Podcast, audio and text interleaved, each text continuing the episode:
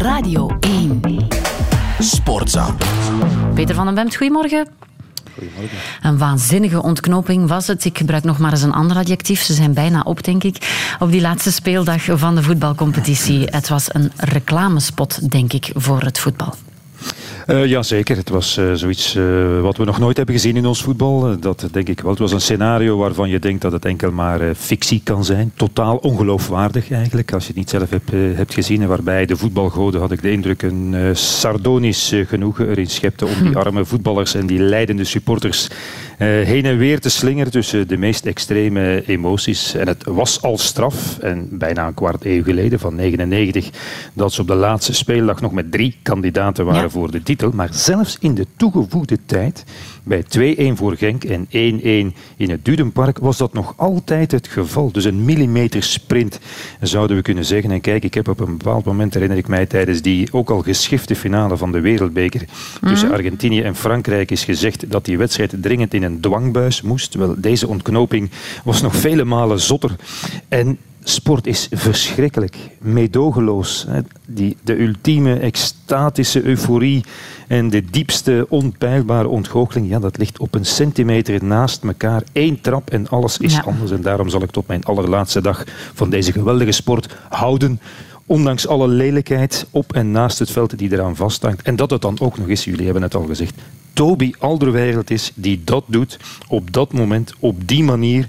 Een kind van het stad met de kathedraal op zijn arm en scheldewater eigenlijk in zijn aderen. Ja, eh, zelfs, en zo waren er blijkbaar veel, heb ik dan moeten vaststellen, wie het Antwerp niet gunde, ja, die kan dan toch niet anders dan het gunnen aan Toby Alderweireld. Ik moest eh, spontaan denken bij deze oerknal aan die van Vincent Company, vier jaar geleden, eh, in de titelmatch tegen Leicester. de laatste wedstrijd van het seizoen was ook nodig om, uh, om uh, kampioen te worden. Ik weet niet of er gisteren iemand Don't Shoot Toby geroepen heeft. Ik denk het niet. Maar voilà, daarmee trap je jezelf in de geschiedenisboeken. Dat is gebeurd. Dat is het minste wat je kan zeggen. Die titel van Antwerpen. Want Tom Vaas zei misschien niet altijd met het beste voetbal, maar hij heeft er wel iets anders in gekregen, Mark van Bommel. Hoe zou jij die titel omschrijven?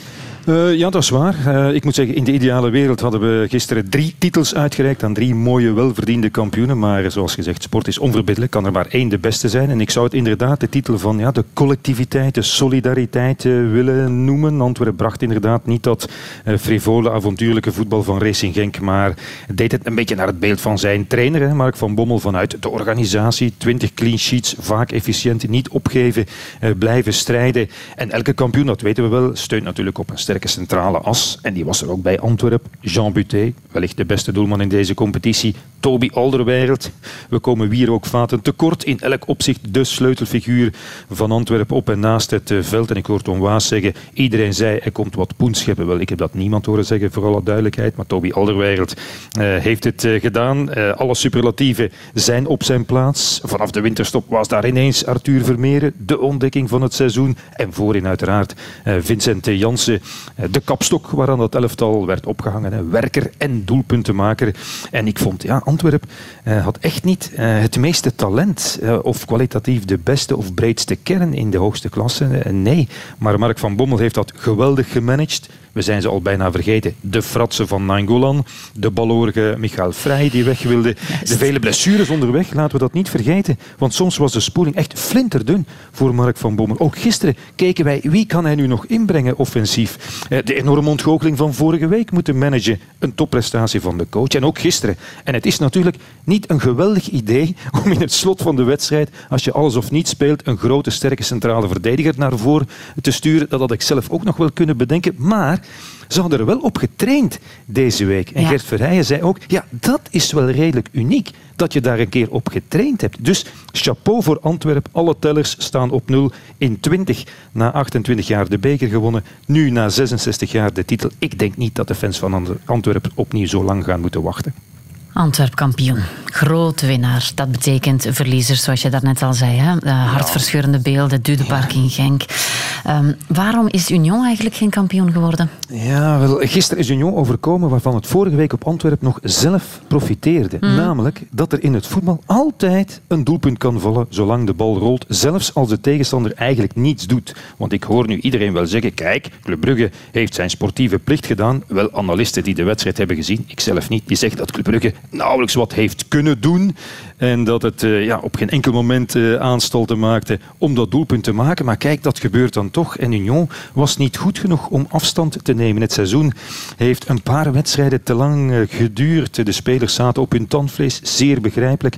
Het was al een paar wedstrijden vroeten. Hè. Ook vorige week op Antwerpen, daar had het al gedaan kunnen zijn. En gisteren spelen dan het laatste half uur bijvoorbeeld toch ook zonder Line. Thuma die uitviel. Is toch bepalend geweest, denk ik. Mm. Alles bij elkaar. Twee sterkhouders. Gekoppeld aan ja, de nervositeit van het slot van de match. En dan een goal tegen op een voorzet. Rut, zo hebben ze er dit seizoen al een miljoen met de glimlach weggekopt. En nu niet, niet in minuut 90. Ja. Dat is voor die spelers. En, en het ergste moment, het ergste wat ze op dit moment in hun leven kan, uh, kunnen meemaken. Een litteken dat misschien wel kan vervagen, maar niet kan, uh, kan verdwijnen. En, en voor sommigen is het misschien de enige keer in hun carrière dat ze er zo dichtbij uh, zullen zijn. En ik denk dat het harder aankomt dan vorig jaar. Ook al stonden ze toen eindeloos lang op kop en werden ze pas op het einde voorbij gegaan. En nu geen enkele speeldag, maar ze waren er nu zo dichtbij. En ik wil toch nog eens onderstrepen, Union heeft het schitterend gedaan.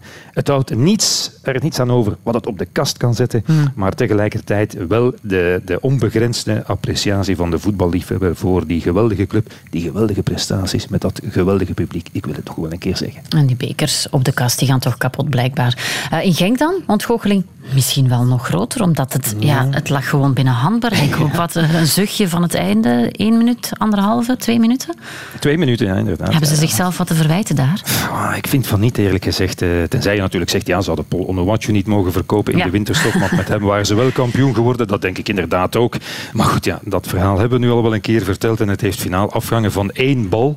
En ik moet wel zeggen, en voor de volledigheid ga ik dat hier nu toch nog eens uh, zeggen, want het raakt natuurlijk een beetje ondergesneeuwd in het uh, Ja, er zijn wel een paar momenten geweest voor Racing Genk waarop ze zijn benadeeld door de scheidsrechter en de VAR. Ook gisteren had Genk gewoon een penalty moeten krijgen en ik kan niet uitleggen waarom dat niet is gebeurd. Dus ik heb wel begrip voor de overigens zeer beleefd geformuleerde frustratie bij de mensen van Genk eh, gisteren. Want ja, misschien waren zij anders wel, wel kampioen. En Genk zou misschien wel de mooiste kampioen geweest zijn als je het bekijkt uh, wat, wat het voetbal betreft. Altijd en overal positief, offensief, aanvallend voetbal gespeeld.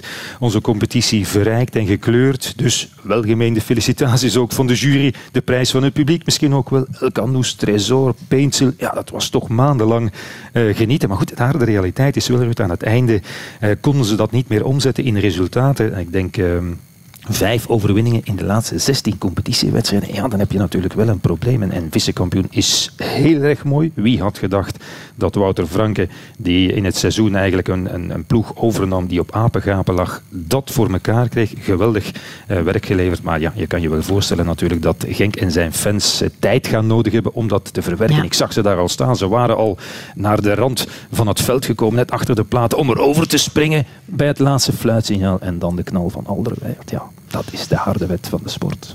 En zo heb jij deze competitie mooi neergelegd. Dankjewel, Peter van den Bent. Sportza. Sportza.